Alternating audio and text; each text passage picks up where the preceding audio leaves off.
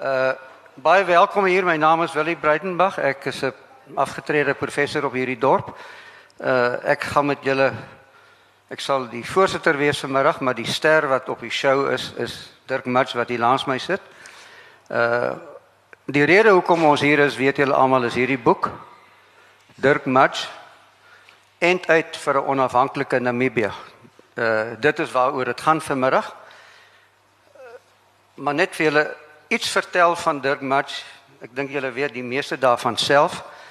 Hy's gebore uh, in die distrik van Otjiwarongo die 26ste Januarie 1928 16. 16de 16de Januarie 1928 so hy is 88 jaar oud. 'n uh, merkwaardige prestasie. Hierdie boek waaroor ek nou nou enkele vrae gaan vra. Hy het in Windhoek skool gegaan en hy het hier op Stellenbosch kom studeer in 'n BCom graad in 1947 gekry toe helfte van hierdie gehoor uh, nog net 'n twinkel in oupa se oog was. Dis 'n baie baie lang tyd gelede. Daarna het hy 'n rekenmeester in Windhoek geword en 'n plaasboer. Tot en met 1961. En dit is min of meer toe ek net in die hoërskool gekom het. Dit is 55 jaar gelede. Toe begin sy politieke loopbaan binne die Nasionale Party. En ek dink dis hier wat die boek nou gaan oorneem en dan vir hom sê vra uh uit nou wel sy loopbaan groot politieke loopbaan gehad. Uh 'n nasionale party was sy tuiste gewees. Maar 16 jaar later in 1977 het hy uitgestap uit die nasionale party. En hy het uh die Republikeinse party gestig dieselfde jaar. Ook in dieselfde jaar stigterslid gewees van die Demokratiese Toernale Alliansie die DTA waarvan die voorloper was die Toernale Gespreksgroep wat in 75 begin het in Windhoek. Uh en ek wil nou vir hom vra. Uh wat is die rede hoekom het hy boerdery gelos en die politiek toegetree? Ja, Willie, ek moet nou eerlik vir jou sê ek sê nou lieg as ek sê dit is lekker vir my om hier te wees om aan die vrae van 'n slim professor blootgestel te word. Maar nou ja, ek sien kans daarvoor. In elk geval, dis oor na jou toe, jy moet maar vra. Goed. Uh Dirk Mats het 'n leiersfiguur gespeel, amper soos uh, baie latere politikus in Suid-Afrika wat ook weggebreek het van die nasionale party en oral waar hy was, was hy 'n chairman geweest. En Dirk Mats was ook oral 'n chairman geweest, voorsitter. Hy was die chairman, uh, chairman geweest, die voorsitter van die toernale gespreksgroep in 75 tot 77. Hy was die voorsitter geweest van die ministersraad van 80 tot 83. Hy was voorsitter van die DTA geweest 77 tot 95 toe hy uitgetree het. Ek gaan later daarby terugkom. En dan uh was hy ook die stigterslid en die voorsteur gewees van uh die DMH groep. Dit is die Democratic Media Holdings wat vandag die eienaars is van twee belangrike dagkoerante in Namibië. Uh die Republikein en uh, die Algemeine Zeitung. Nou Wat is die rede gewees om Dirk vir jou wegbreek in 1977 uh van die nasionale party af weggebreek? Het die nasionale party nie vir jou die visie gehad waar in jy waarheen jy wou gaan nie of was daar ander redes gewees hoekom jy die nasionale party vaarwel toegeroep het? Ja. Dis nog al nie so 'n maklike vraag om te antwoord nie want het 'n baie lang aanloop gehad. Jy weet, ek is 'n produk van die tyd waarin ek groot geword het. Ek is 'n produk van die geskiedenis omdat ek van my kleinste af in geskiedenis belang gestel het. Ek het altyd soos wat het al gesê het. How can you ever hope to understand the world around you if you do not know how it came to be what it is? Ek wou altyd geweet het as ek teruggekyk het aan my voorgeslagte geskiedenis, wat het hulle op bepaalde stadiums laat optree soos hulle opgetree het. Want 'n mens en ook my voorvaders is produkte van hulle tyd wat probleme van hulle tyd die hoof bespied. Ek kon leer uit die geskiedenis, maar ek moes maar aangaande my eie besluite neem. Nou die hele storie het begin en ek wil nou nie dan my kinderdae toe teruggaan nie. Toe ek in die politiek beland het,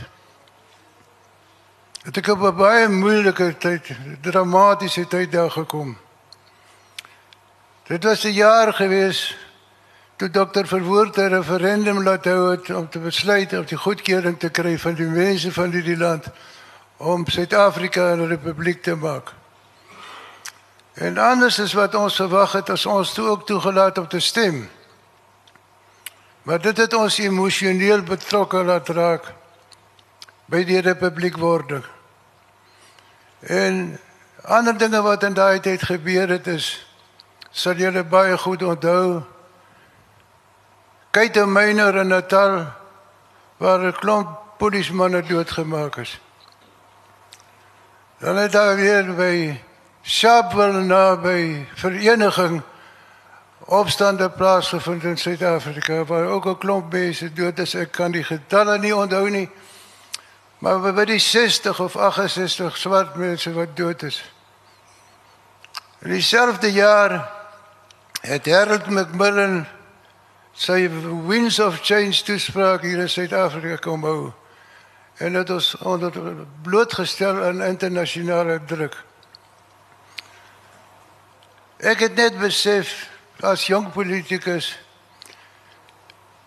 ek kan nie op daai stadium met antwoorde kom nie. Maar een ding het ek besef van die eerste dag af.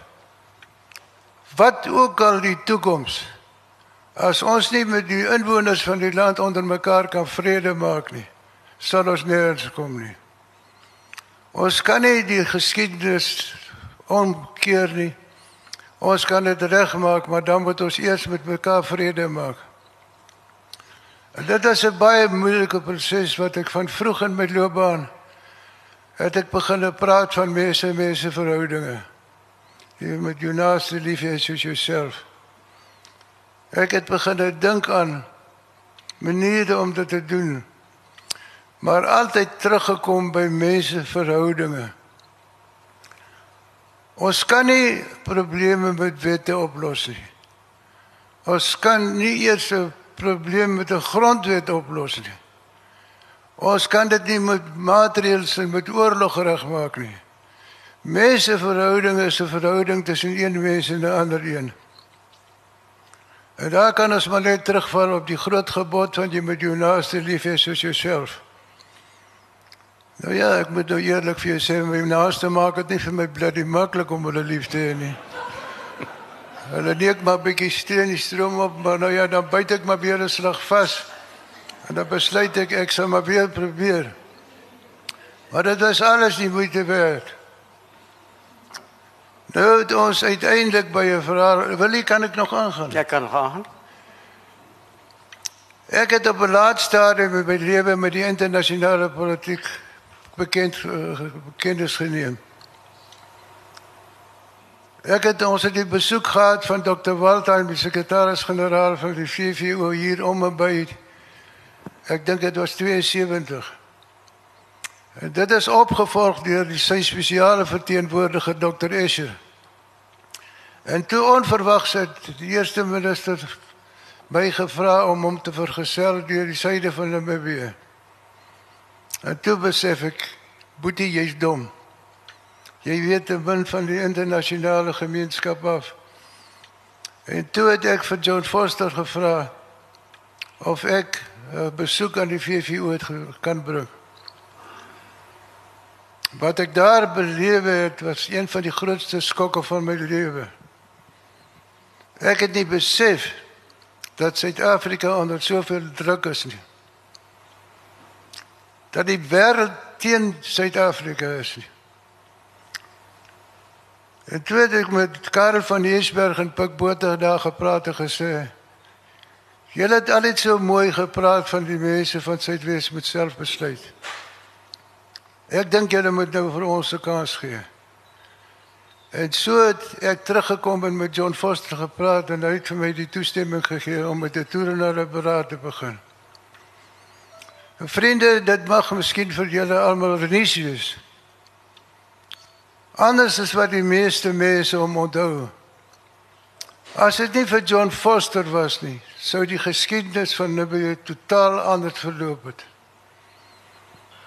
Hy het my ondersteun in my poging om 'n vredesame oplossing te vind tot hy in 1978 uitgetree het. Hy het self begin met 'n tentaanbeleid in Afrika. Hy het met Kaunda op die brug by Pretoria by Sambesi Victoria Victoria Falls gepraat. Hy was teen in inmenging in Angola. Hy het enige vorm van geweld in oorlog het hy teëgestaan en hom laat ompraat ongelukkig. Deur sy militêre raadgewers en later die minister eerste minister PV Botha. Kan ek net hier inkom? Miskien. Uh so John Foster het 'n rol Ek kom nou by die punt wat jy ja. gevra het. Dan die volgende vraag is net John Foster het 'n konstruktiewe rol gespeel om die uh toernale gesprekke te laat voortgaan. Later was daar twee ander leiers met wie hy dikwels koppe gestamp het. Albei se vanne is Botha, Pik Botha en PW Botha. Uh met wie jy die hardste koppe gestamp van daai twee? Kan jy onthou? As jy die lewe as jy die biografie van Foster lees wat sy biografis geskryf het hoe dat hy eintlik nie die mens was wat ons gedink het hy is nie. Hy het hy, hy het eintlik Ja, ek weet julle glo dit nie, maar hy is vredelewende mens. Was hy was net 'n bloody harde politikus. Die mens moet hom op die verhoog die gehoor en krag meet nie. Maar net om en so die toer na begin. Nou ek wil my nou baie haas om by die antwoord op die vraag te kom. Die toer na beraad was 'n eerlike poging. Dit was regtig 'n goeie begin. Maar my kollegas in die nasionale party wou die swart mense verneek. Hulle het probeer om 'n stelsel op hulle af te dwing wat eintlik maar net 'n voortsetting van die ou beleid was. En ons het vir etlike jare daaroor argumenteer. Maar op die eind van die dag toe hulle moet kom by die afsonderlike tuislande Toe ek vir hulle een vraag gevra, waar is die blanke tuisland? Toe sê hulle die hele Suid-Afrika buite die swart state. Ek sê ek, en hoeveel wit mense bly in daai tuisland? En hoeveel swart mense bly daar? Ek sê hulle vir my nee, daar's baie swart mense, maar hulle moet maar na hulle tuislande toe gaan. Toe sê ek, wie gaan die werk doen? Nou wat daardie swartes wat nou in hierdie blanke tuisland moet bly. Gaan hulle stemreg hê? Sê hulle vir my nee. Sê met ander woorde, jy wil vir my sê dat die meerderheid van die swart mense in die sogenaamde blanke tuisland gaan hulle onderwerp aan blanke wette. Toe sê hulle vir my ja. En daar het die probleem begin wat tot ernstige twyfel gelei het. Nou wil ek dit ook sê. Die spanning het so geloop dat John Foster toe vir PW en vir Pik Winter toe gestuur het. Om vir Ade Plessis te vra om uit die politiek te tree sodat ek kan oorneem. Soveel simpatie het hy met my poging gehad dat hy vir hulle wat hy vir hom gevra het om uit te tree. Wat Du Plessis natuurlik nie kan doen nie. Dit het vir hom gesê na my kollega as jy nie wil uitreën nie dan maak jy nou die probleme in jou party reg. En toe het ons gegaan en ons het gesê roep jou mense bymekaar en maak vrede. Toe het ons bymekaar geroep op 'n kokosvergadering. En dit was van die enige eerste oomblik af duidelik hy soek nie vrede nie. Hy voel gekrenk en hy wil by terugbetaal. En dit het tot ewige argumente gelei. Ek gaan nie besonderhede nie. Dit is so rof gegaan dat een van ons lede later 'n mosie van wantroue, uh, 'n mosie van vertroue in die leier gestel het. Hopende dat niemand bereid sal wees om teen 'n mosie van vertroue te stem nie. En sewe van ons het dit toe gedoen. En dit was die eind van die nasionale party se eenheid. Dit het toe kongres toe gegaan waar 78 van ons uitgestap het. Basies in baie kort dit het tot die konfrontasie gelei. Ons het nie ons het nie eind uit 'n eerlike pad met die inwoners van die land geloop nie. Uh en toe stap jy uit. Werner Neef saam met jou en nog ses ander. En uh toe het jy die bynaam gekry van die stapper. Kan jy dit onthou? Kan jy onthou toe jy in Janie Geldenhuys in 'n aeroplein gery het en jy moes whisky bestel? Watter whisky het jy gekies? Ek dink jy moet vir my kyk as jy. Ek sê en toe het jy saam met Janie Geldenhuys op 'n vliegtuig gery van Windhoek af Johannesburg toe. En toe kom die lugwaardin verby en vir jou en Janie vra of jy 'n dop wil hê. Toe sê jy 'n whisky. En watter whisky het jy gekry? Jy kon kies tussen Bells en Johnny Walker. Ja, kyk ek wil nou sê jy lok my nou uit om iets van die weermag te sê. Nee, ek lok jou uit Maar iets ja, van whisky te sê. Nou antwoord. Jy doen nou vir my 'n vraag Jy gevra. moet iets van whisky sê. Ek gaan jou nou antwoord. Jy weet Die groot stryd wat vandag nog aan die gang is om te besluit wie die oorlog gewen het. Nee, ek gaan later daarby kom. gewen nie. Maar wag nou. Johnny Walker, ja. Hoekom? Hoekom? Hoekom het jy Johnny Walker gekies? Ek en Jannie Geldenhuys het op 'n vliegtuig langs mekaar gesit. Toe wil ons iets bestel en toe sê hy meneer Matchie sal weker Johnny Walker verkies want dit is meer sy styl. Die stapper, jy sien, die stapper. Dat die stapper hier by Ja. ja. gestap het. Uh Maar hy het nog 'n ander ding ook gesê. Hy het gesê die mense van Namibië beklei onder mekaar omdat hulle nie weet waaroor dit gaan nie. Ons het bly die goed geweet waaroor dit gaan. Hoorie, so kom ons praat 'n bietjie. Jy het nou nou gesê, kan jy hoor as ek so praat? So? Uh goed. Uh behalwe nou vir die nasionale party Suid-Afrika, dit is nou die twee botas, die uh Verenigde Nasies en dan was daar SWAPO altyd in die agtergrond. Die interne skikking wat julle gestreef het. Het julle ooit voorsien dat SWAPO éventueel sou deelneem aan so 'n skikking of het julle gedink julle kan 'n plan aftrek vir onafhanklikwording vir vir Namibië sonder dat SWAPO daaraan deelneem? Nee, dit was nie moontlik nie. Geen oplossing sonder geen demokratiese oplossing sou moontlik wees tensy SWAPO aan 'n demokratiese verkiesing kan deelneem en bereid is om daaraan deel te neem nie. Maar hulle het aanvanklik uit die aard van die saak geweier. Net soos wat die nasionale party van DSS ook nie 'n regtig demokratiese verkiesing hê nie. Hulle het 'n referendum gehou, maar net blankers kon daarin stem. Maar nee, ons moes uiteindelik by die punt kom dat die oorlogvoerende groepe moes moes besluit om hulle oorlog te los en aan 'n verkiesing deel te neem. Dit het baie lank geneem. Ek byna 10 jaar. Maar uiteindelik het SWAPO gesê hy sal deelneem en PW Botha kon met reg aan die internasionale gemeenskap sê die binnelandse partye het hulle self te gunste van 'n verkiesing verklaar. Jy weet dit was baie moeilik vir hom op daai stadium hy het met arbitreer nie te doen gehad. Hy moes ook maar baie versigtig loop om nie sommer die indruk te skep hy gees Namibië weg nie. So hy moes ook versigtig wees, maar die werk wat ons binnelands gedoen het om die blankes te oortuig dat onafhanklikheid in 'n verkiesing selfs op die risiko af dat SWAPO die verkiesing kan wen. Die enigste oplossing is en hy kon dit gelukkig sê dat ons het saamgestem dat dit gedoen kan word.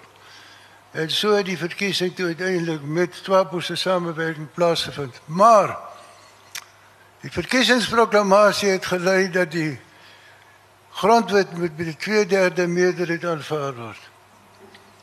En Swab het dit nie ge gemaak nie. Die DTA en die ander partytjies saam het meer as 'n derde van die stemme gekry as gevolg van die harde werk van ons vooraf. Dit het beteken dat ons grondwet met eenparig aanvaar word. Ons moes hom met konsensus aanvaar en ons het dit reg gekry. Ja, en jy beskryf beskryf ook in jou boek van hoe die grondwetskrywende proses uh na afloop van die verkiesing. Die ene wat Swapo gewen het maar met minder as 2/3 net 57%, die DTA het 28% gekry. Uh, merkwaardig baie goed vir daai tyd. 11 partye het daaraan deelgeneem. Maar toe kom die grondwetskrywende proses en daar het jy 'n besondere verhouding gehad met uh van die verteenwoordigers van SWAPO. Uh dit word gesê dat is jy en Hagi Geingob wat die hoofrolle gespeel het. Is dit waar? Ja. Ek het al ek het dit in my boek geskryf die grondskrywende proses saam met voormalige militante opponente was een van die grootste voorregte wat ek ooit gehad het. Jy weet ek ek kan dit eintlik nie beskryf nie. Van die heel eerste dag af wat ons daar om die tafel gaan sit het, het ons die verlede vergeet. En ons het besluit nou is dit ons land se toekoms wat op die spel is. En nou moet ons die beste vir ons land doen. En ons het dit gedoen. Hagi Geinkop wat nou op die oomblik die eerste die president is, was hy voorsitter. En ek sê dit vir almal hy was 'n fantastiese voorsitter. Hy was onpartydig. Ek het baie keer gesê hy is 'n konsensusmaker. En en ek wil vir u sê ons het nooit werklik beklei nie. Ons het koppe bymekaar gesit, ons het verskil. Ek het begin deur dit kyk ons het mos nou 'n klomp partye wat voorstelle gemaak het, grondwette. Swapo het een gehad, ons het 'n volledige een gehad, die DTA van die ander party ook. Toe het ek voorgestel dat ons Swapo se grondwet as die werkspapier gebruik. Van my eie kollegas het amper van hulle stoele afgeval. Sê nee, ons gebruik hulle as 'n volledige grondwet, ons stem is nie saam daarmee nie. Dan kritiseer ons hulle grondwet. Dan vat ons hom artikel vir artikel. En ons het hom verander. Ons het hom baie verander. Aanvanklik wou hulle uit en uit uitvoerende staatspresident hê met absolute magte. Ons het dit verander. Ons het 'n drie kamer parlement deurgekry. Ons het dit deurgekry dat daar handves van fundamentele regte in die grondwet is. Ons het dit reg gekry dat daar respek moet wees vir mense se taal en kultuur. En dit is vandag nog so. Dit is nie vandag gesonde om Afrikaans te praat nie. Ons het net een amptelike taal waarmee ek ook saamgestem het. Ek verstaan in Suid-Afrika is daar 11 amptelike tale of ek weet nie hoeveel nie. Is nie werkbaar nie. Dit is nie werkbaar nie. Want watter een is nou die eerste? Maar William Korte wees. Ons het 'n ongelooflike grondwet en hy word aanvaar deur almal in ons land. Hy word nie altyd streng toegepas nie.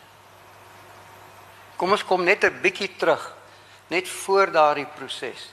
Jy skryf in jou boek dat jy het maar spanningsvolle tye gehad byvoorbeeld met uh ek is nie seker of dit ons buitelandse sake of die departement verdediging was of dit van die verskeie administrateurs-generaals was nie wat begin het met teen die Steyn en later geëindig het met Louis Pinaar.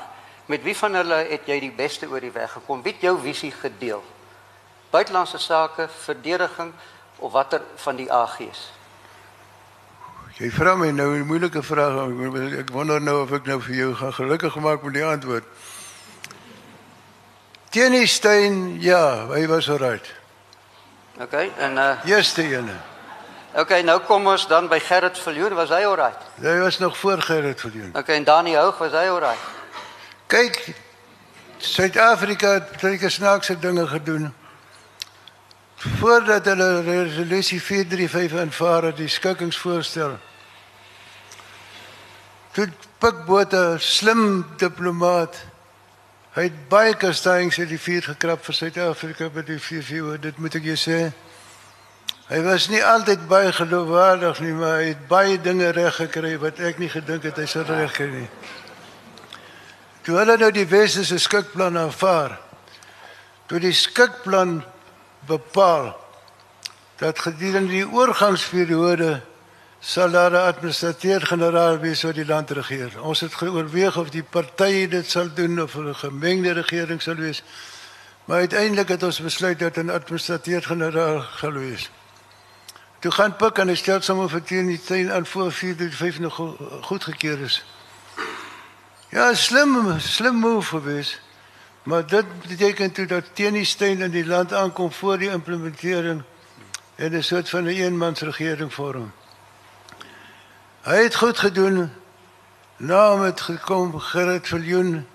Gerrit Viljoen het goeie vriend van my. Het die tweede vlak owerhede kom instel ook heeltemal voorbarig. Dit was my huis gestuur om dit te gaan doen. Willie van die kerk was daar toe PW Botha my eerste regerings interim regering ontbind het. Die rede was hy het eers ons wetgewende bevoegdhede gegee PW omdat hy nie geweet het wat hy met daai verkose regering van 78 moet maak. Hier daar's John Foster het met sy verkiesing uitgeskryf vir 78. Toe wen die DTA. Hmm. Toe daai van ons wetgewende bevoegdhede gegee. Toe maak ek 'n wet in 79 wat woongebiede en alle openbare inrigtinge oopstel vir alle rasse. Dat mense kan bly waar hulle wil. Dit was baie bietjie die helen vir my gewees. En hy het toe na lank gestuur die tussentydse regering ontbind. Nou ja, jy weet en toe vir 'n tyd lank het die AG toe as dit ware alleen regeer. Maar net om toe leef Louis Pina. Van die kerk gekom en hy het Willie van die kerk. Ekskuus. Willie van die kerk. Willie van die kerk gekom.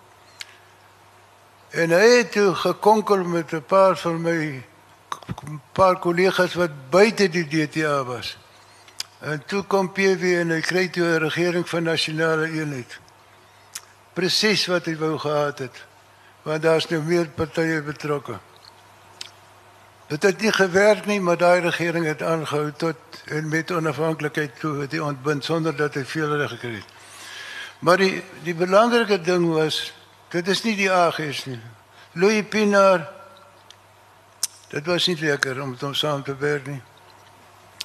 Want hy het allerlei my allerlei byname gegee gesê ek het nie meer die ondersteuning van die mense nie het gepraat van die Midjiaanse tydperk en Midjiaanse logika ensovoorts maar die feit is net van die saak dat ons het toe op 'n stadium gekom wat ons geweet het 'n verkiesing kom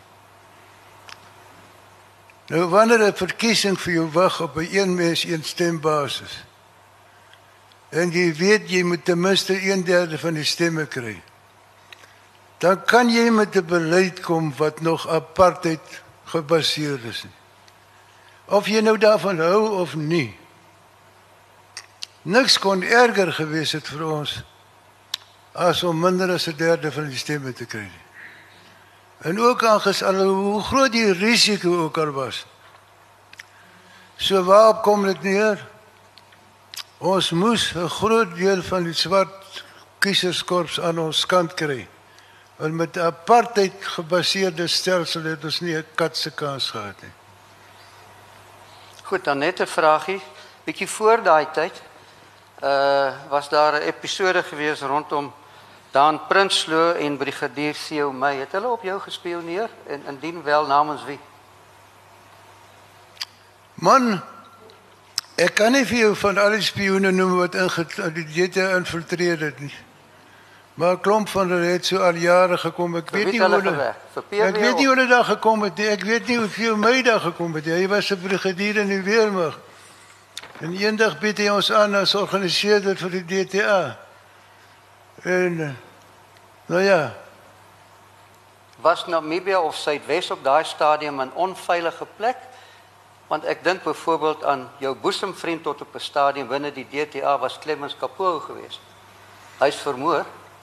Wel, ek kan jou sê natuurlik ons het die DTA het gedurende die volle duur van die oorlog in Novemberland polities georganiseer. Ons het met gewone voertuie daar rondgery waar ons elke dag 'n landmeet kon aantrap en waar ons elke dag in 'n swaapboerlok vir kan inloop. Clemens Kapoor, Toybe Shagaya en en en en en, en, ja, eerstens was dit geweest Ja, ja, drie van ons presidente is doodgeskiet. Ek Ja, hy was op Swapo se moord. Kapoor was van uh, Nudo geweest. Die Joba. Ja, uh, nee Clemens Kapoor. Hy was van Nudo, Sam Nujoma was natuurlik van die Ovambos geweest. Ja, nee, Sam Joba was was redder geweest. Nee. Ek en hy het mekaar by die VVO ontmoet. En ons twee het saam begin met die gedagte van 'n beraad. Ja. Hy het in, in 1973 toe ek by die VVO was, was hy toevallig ook daar maar op sy eie. Hy het 'n baie slegte ontvangs gehad. Wat op daai stadium reeds het die VVO SWAPO erken as die true and authentic representatives van Namibië. En hy was baie ontstel daaroor en toe het ek hom eendag in sy hotelkamer gaan besoek en vir hom gesê Clemens Dit lyk nie vir my jy's baie welkom hier nie, ek ook nie. Kom ons saam probeer iets doen. Kom ons soek 'n vredesame oplossing. Kom ons maak 'n einde aan die oorlog. Dit is 'n duur oorlog. Dit kos baie geld, dit kos baie mense lewens. En so die hele proses van samewerking eintlik basies begin. Dis toe wat ek op pad terug met John Foster gepraat het en toestemming gekry het om aan te gaan met die toer na die Berlin. Goed, Maar dit was nie veilig nie. Natuurlik was dit nie veilig nie. Okay, Clemens Kapoor is vermoor in Windhoek. Uh, is sy moordenaar ooit opgespoor? Nee. Die Eh. een van die moordenaars van DDR leiers is ooit opgespoor nie. Nog iemand 'n hoë profiel persoon wat vermoor is? Anton Lubowski, weet hom doodgemaak. Nee, niemand weet nie. Moordenaars in ons land is nooit opgespoor nie. Daar is hoeveel hoofmanne vermoor? 28 dink ek. Hulle is nooit opgespoor nie. Nou ja. Swapo kan natuurlik verantwoordelik gehou word vir van hulle. Maar Swapo sou massief vir Anton Lubowski doodgemaak het. Ek kan jy nie voorstel. So, daar's baie dinge wat ons nie weet nie, wat ons ook nie verstaan nie. Maar dit was maar 'n 'n deurmekaar spelletjie.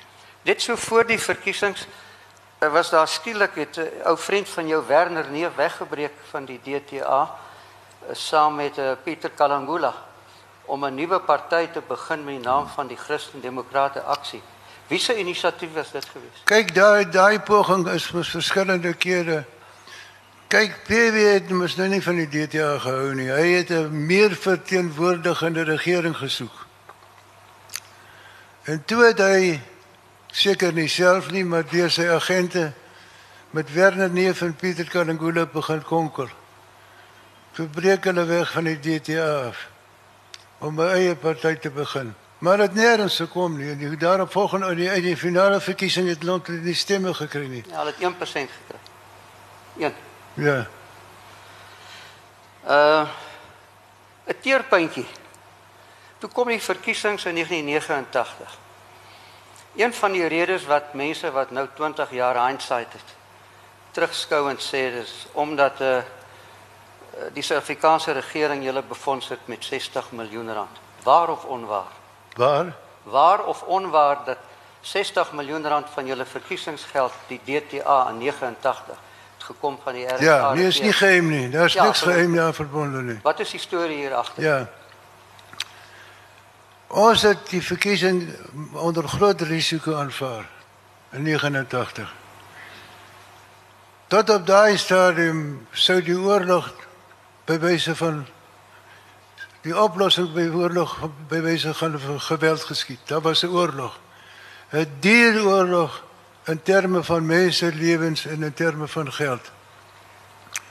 En toe ons uiteindelik besluit het ons gaan aanvaar ons die DTA aanvaar 'n vrye regverdige verkiesing vrye regverdig soos dit genoem het onder VVO toesig. Het ons besef dat Swapo die wêreld aan hulle kant het. En ons het nie, die wêreld was mos aan Swapo se kant vir alle praktiese doeleindes. Toe ek met die met die eerste minister gaan praat. Ek hom sê luister. Het ons 'n gesamentlike vyand of het ons nie? Veg ons en ons seuns en ons ondersteuners veg maar saam met julle teen Swapo. Hoe dink julle waar gaan ons die geld vandaan kry om 'n verkiesing teen Swapo te veg wat miljoene tot sy beskikking het? Is julle bereid om vir ons die geld te gee of nie? Ons is mos vennote in 'n gemeenskaplike oorlog. Ons veg mos teen 'n gemeenskaplike vyand. Wil julle nou vir my sê julle gaan ons nou alleen los om hierdie hierdie oorlog voort te sit? Toe het hulle vir my gesê nee, maar goed. Hulle sal vir ons geld gee, maar maar hulle kan nie net vir die DTA geld gee nie. Dan moet ons aanvaar hulle sal vir alle politieke partye geld gee. Hulle het nie gesê vir Swapo ook nie. Maar ek sal nie verbaas wees as hulle vir Swapo ook geld gee nie, maar ek kan dit nie bevestig nie. Toe het ek gesê baie dankie. Ek aanvaar dit. En ek het dit nagterna openlik erken en ek het pikbote uit toe later en 'n bietjie boei daarvan gemaak. So asof jy weet pik was. Wou altyd graag vir 'n groot op erkenning kry vir wat in Namibië gebeur het. Ek het eenslag by die Afrikaanse Universiteit van Suid-Afrika, nee die Randse Afrikaanse Universiteit gesê. Die moeilikheid met pikbote as hy wil die lek op elke begrafnis en die bruidegom op elke bruiloop wees. nou dit is ongelukkig so. Hy wou baie graag die indruk skep dat hy nou al hierdie dinge gereël georganiseer het. Maar wil ek vra nie verskoning nie. Dis al geld wat ons gehad het behalwe dat ons ons eie mense hard gewerk het om soveel as moontlik geld in te samel. Maar dit was 'n druppel in die emmer. Ons kon nooit nooit daai verkiesing geveg het sonder geld nie. Ja, die verkiesing is vooraf gegaan deur 13 jaar lank se bosoorlog, grensoorlog. Ek was self daar as 'n troepie gewees. Uh van 75 met die eerste aanval in Angola tot 88 na Kwito Karnaval was die oorlog nie moeite werd? Ja. Kom ek begin hier voor. Wat se oorlog was dit? Dit was nie soos algemeen hier in Suid-Afrika gedink as 'n grensoorlog nie. Die veiligheid van die inwoners was tot in 1974 in die hande van die polisie. Die Suid-Afrika die Suidwespolisie. Met die slag van die geveg van Ongolombashi het 'n klompie Suid-Afrikaanse polisie manne nee, weermagmanne onder beheer wat onder die vaandel van die polisie hulle geattesteer as polisie wil kom help met daai geveg. Maar in 74 toe die weermag oorgeneem het van die polisie op die grens het hulle direk oor die grens in Angola aan en betrokke geraak aanvanklik in die stryd vir rebelle teen die Portugese regering. En agterna met die onafhanklikwording van Angola was hulle direk betrokke by die geveg tussen die rebelle groepe hulle het UNITA ondersteun. PW Botha het self gesê dit is 'n totale aanslag teen Suid-Afrika. So ek moes ongelukkig partykeer in Suid-Afrika het verenigings en universiteite toegespreek. Vroue vereniging vir my gevra, "Hoekom moet ons seuns op julle grens veg?" Net baie ongelukkig gemaak. Dit was nie ons grens nie, dit was met toevallig ons was die slagveld Die oorlog het gegaan en dit het gegaan met die behulp van Amerika. Het gegaan oor Russiese, Kubaanse en die oosterse magte wat in Angola ingekom het. Nou ek wil nou 'n bietjie meer sê van die weermag. Kyk, ek sou nou mos baie ondankbaar wees. As ek sê dat hulle as ek nie erken dat hulle teenwoordigheid daar ook my lewe veiliger gemaak het om aan te gaan met my politieke veldtog nie. Dit was nie primêr so bedoel nie, maar dit maak nie saak nie. Hulle het vir ons in die proses tyd gegee. So almal van Suid-Afrikaners wat daar gaan diens doen, dit het ek al by herhaling gesê, baie dankie. Ek dink julle is in 'n oorlog betrokke geraak wat miskien nie baie slim was nie. Hoekom nou gaan John Foster wou nie? Ek kan dit vandag vir julle sê dat alle getuienis en ek weet dit ook. Hy was nie ten gunste van daai inval in Angola nie. En hy het dit ook nie saamgeval nie want onthou nou net dieselfde jaar wat die weermag in Angola ingegaan het. Operasie Savannah het John Foster met sy uitwaartse beleid begin. Dis dink goed strook mos nie in genaamd nie. Maar Nou ja, gelukkig kon ons die oorlog beëindig. Uh tweede, derde laaste vraagie. Dink so lank aan jy vra, ek gaan dit nou net vir julle vra of julle vir meneer Matje vraagie of twee wil vra. Ehm um, die boek hierdie ene, daai ene, is beskikbaar hierso by die ATKV tent, net so om die draai. Is harde bandboek, 551 bladsye. Is 350 rand moeite werd. Uh hierdie boek. Die die oorlog was verby in 1990. Hy het uit die politiek uitgetree in 1995. Hierdie boek is eers gepubliseer in verlede jaar, 2015. Hoekom 'n kwart eeu gewag? Hoekom 25 jaar gewag? Kyk. Dis die laaste ding wat ek ooit oorweeg het om 'n boek te skryf. Ek is geen skrywer nie. Ek is nie 'n geskiedenismaker nie en ek is nie 'n geskiedenisskrywer nie. Ek het in die begin gesê ek het meer geleer uit die geskiedenis as wat ek kon skryf. Jy weet, Eyal Rouse het gesê, "How can you understand the world of affairs around you if you do not know how it came to be what it is?" I always wanted to know how it came to what it is. Ek wou weet hoekom die dinge gebeur het. Maar ek het nooit lus gehad na 'n lang politieke loopbaan. Ek het so 'n bietjie skepties oor autobiografie autobiografie gewees. Dit het vir my so 'n bietjie na na selfverdediging geklink. Maar wat my toe uiteindelik finaal laat beweeg het. Ek het gedink die geskiedenis van Namibië moet geskryf word.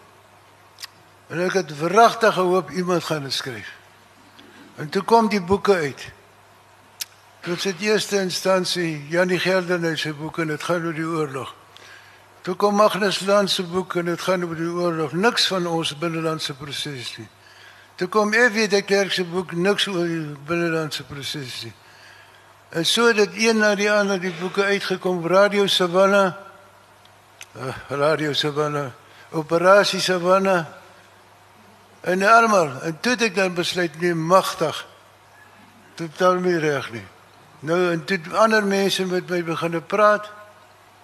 En uiteindelik op ouderdom van oor die 80 toe ek besluit nou ja, ek het nou nie 'n keuse nie. Ek moet nou maar skryf. Ja, dis dit. Uh watse bronne het jy gebruik of het jy maar op die plaas self die bronne aangehou?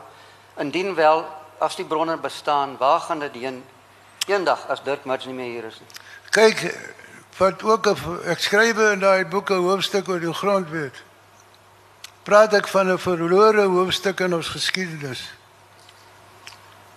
Die grondwet skrywende vergadering het vir 80 dae gesit.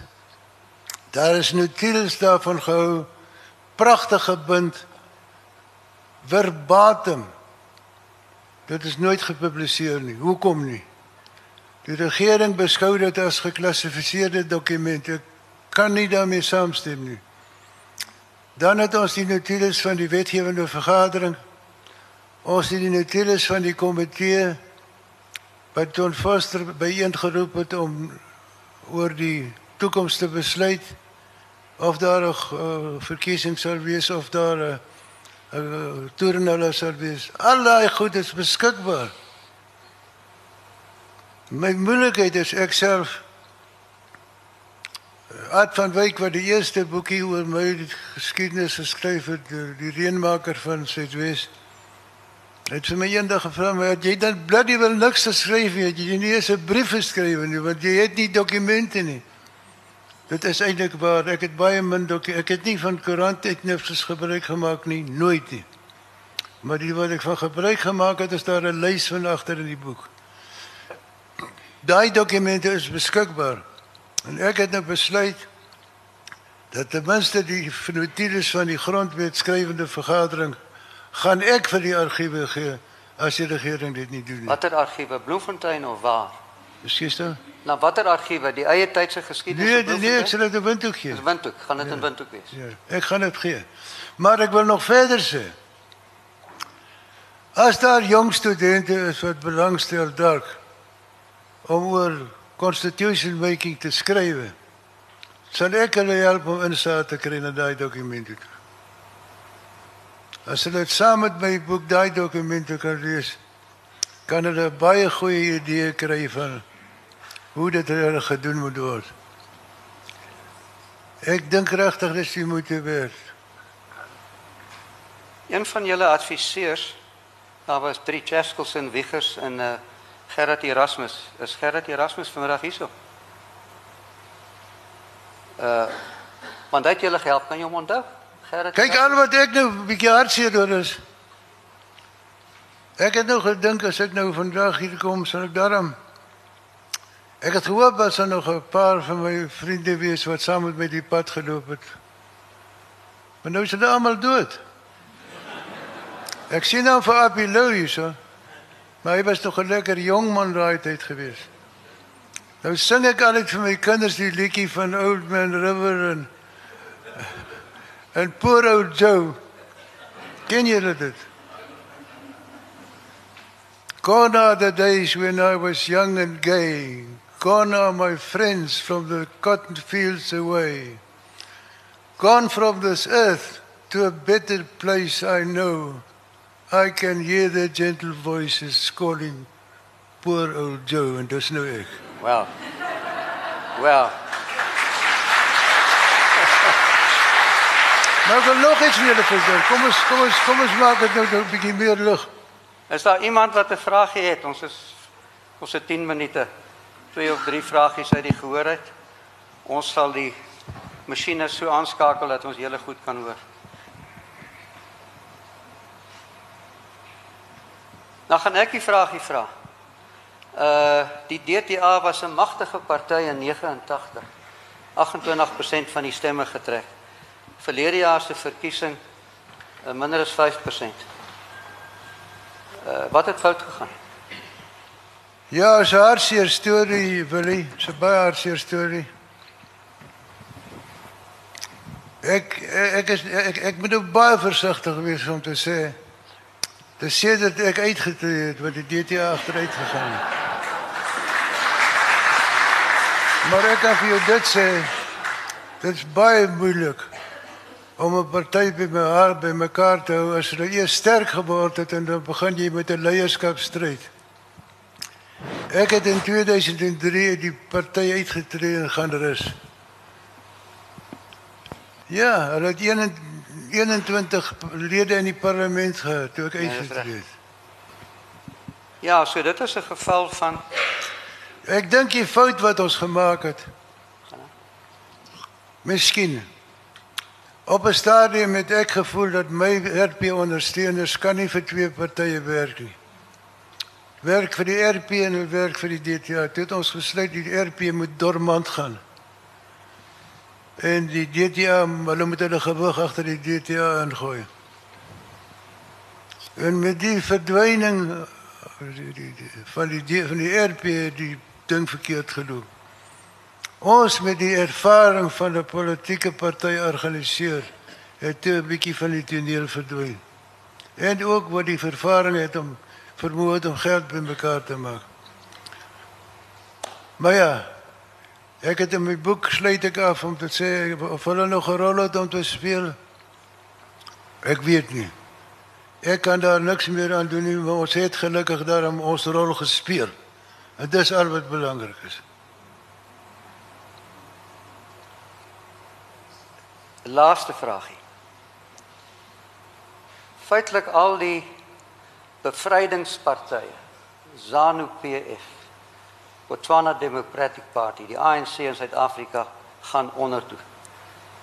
Uh hulle gaan suid, soos gesê word in vandag se jong taal. Maar SWAPO gaan noord. SWAPO het nog nooit so 'n ver oorwinning behaal soos verlede jaar. Waaraan is dit te danke of te wyte? Kyk, ek dink daar's 'n paar redes daarvoor. Een van die redes is dat SWAPO doen nie te sleg nie. Hy doen nie te sleg nie. Ek het by so ver gaan om te sê ek daar's baie blankes wat vir SWAPO stem nou. Hage Geinkop maak 'n goeie indruk. Hy sit nie maklike voet verkeerd nie. En ek dink daar's nie 'n groot feit aan. Hier by julle lyk dit vir my se feit aan die gang. Ek dink daar by ons is nie op die oomblik 'n vreeslike geveg aan die gang nie.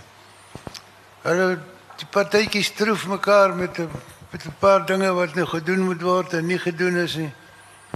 Maar daar's nie emosie meer in die politiek nie.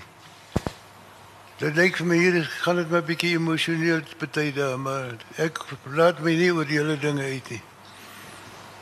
Klaar. Nou, is daar iemand? Ja. Daarso. Nee, Mats, eerstens baie dankie. Dit was 'n groot voorreg om na jou te luister. Ek wil nou 'n vraag vra. Ons weet almal dat die verhouding tussen verskillende kleure in Suid-Afrika is heelwat swakker op die stadium of kom ek stel dit so, Namibië baie beter as hier. Nou wil ek graag vra, waar het julle reg gedoen of moet ek vra waar het ons verkeerd gedoen? Wat is jou opinie? Wat sê? Vraag is rasseverhoudings en in die algemeen gaan dit beter in Namibië. Waar en hoe het hulle dit reg gekry? Waar? Swapo, hoe waar en hoe het hulle dit reg gekry? Vergelyking met ons wat dinge oënskynlik verkeerd kry. Kyk, om verhoudinge te verbeter is nie maklik nie. En ek sê altyd die voordeel en die voordeel wat ons gehad het.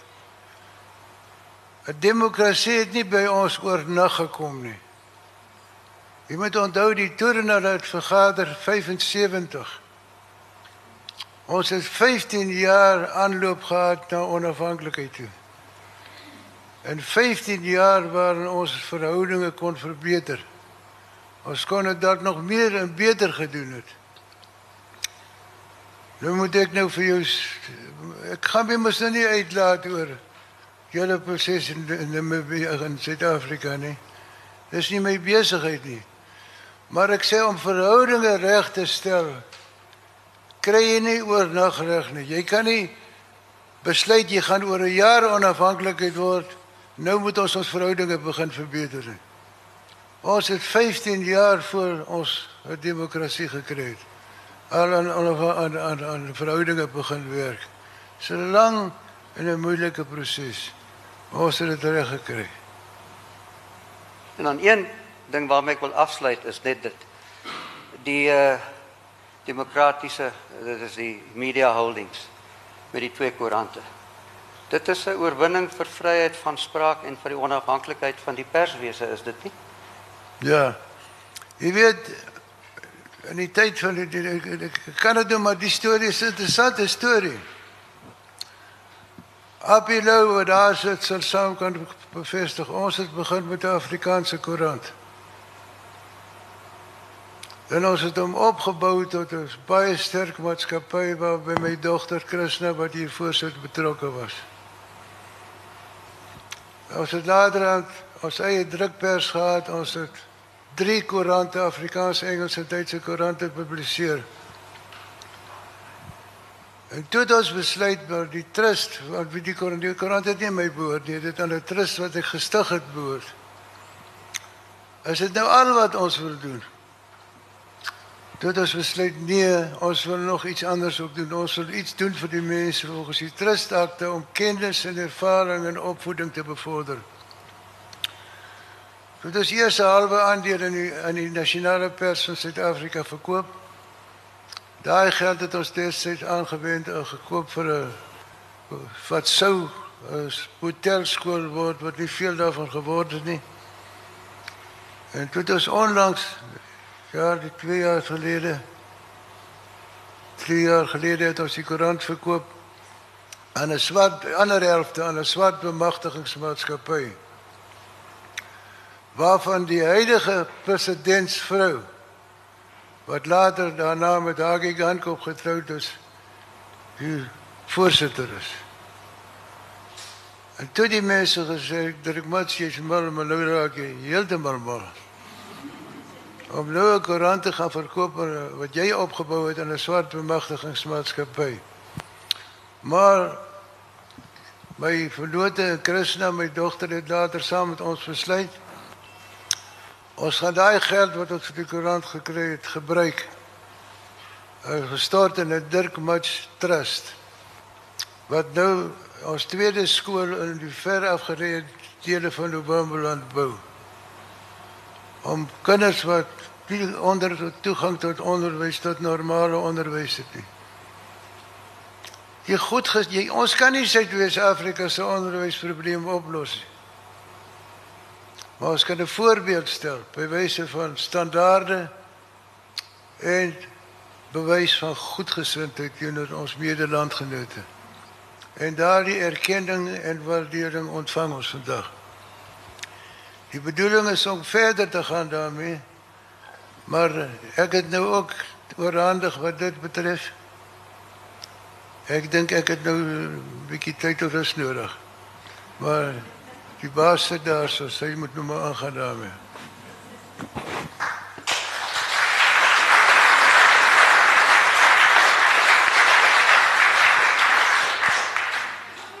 Ek wil net sê daar is 'n toorwoord dwars deur die boek wat ek raak gesien het. En dis die woordjie menswaardigheid.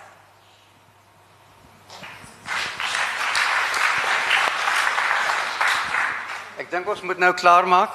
Ons kan aangaan tot met, nie nie tot liewe Jesus weer kom nie, maar tot Namibia weer kom. Ek weet nie wanneer dit gaan wees nie. Dirk, baie dankie dat jy vanmiddag hier was. Ek dankie. wil net nog iets sê. Ja. Sê dit, jou laaste woord Net is jou. die laaste woordjie. Ja. Ek het in die begin gehuil oor my vriende wat dood is. Nou, het julle die storieetjie gehoor van die Engelse predikant? Wat vir sy gemeente vra gevra het of hy of daar een van hulle is wat kan sê dat hy nie 'n vyand het nie.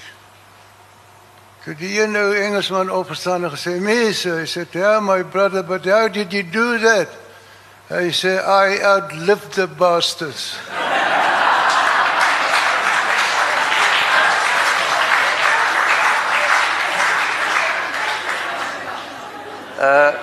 die uitgewer van hierdie boek en hiermee sê ons nou regtig goodbye. Waar is Nicole Stassen? Waar's dokter Stassen?